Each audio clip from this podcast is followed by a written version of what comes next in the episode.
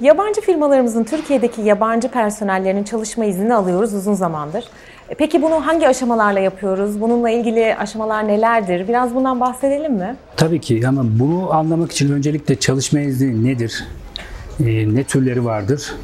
e, nasıl alınır? Bunu e, anlamamız lazım. Çalışma izni en basit tabirle e, bir personelin yabancı bir ülkede çalışabilmesi için e, gerekli olan prosedürlerin tamamlanması ve yasal çalışır hale getirilmesidir.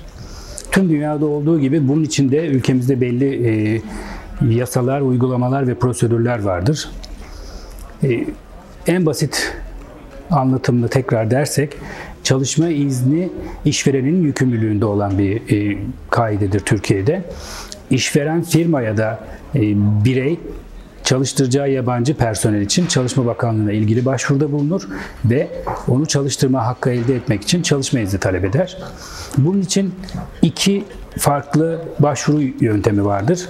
Birincisi yurt içinden doğrudan Çalışma Bakanlığı'na yapılan başvurulardır. Bunun için yabancı personelin en az 6 ay geçerli ikamet izninin olması istenir. 6 ay geçerli ikamet izni olmayan veyahut hiç ikamet izni olmayan yabancıların başvuruları ise ülkelerindeki veyahut yasal ikamet ettikleri ülkelerdeki Türk temsilcilikleri aracılığıyla başlatılır. Buna çalışma vizesi başvurusu denir.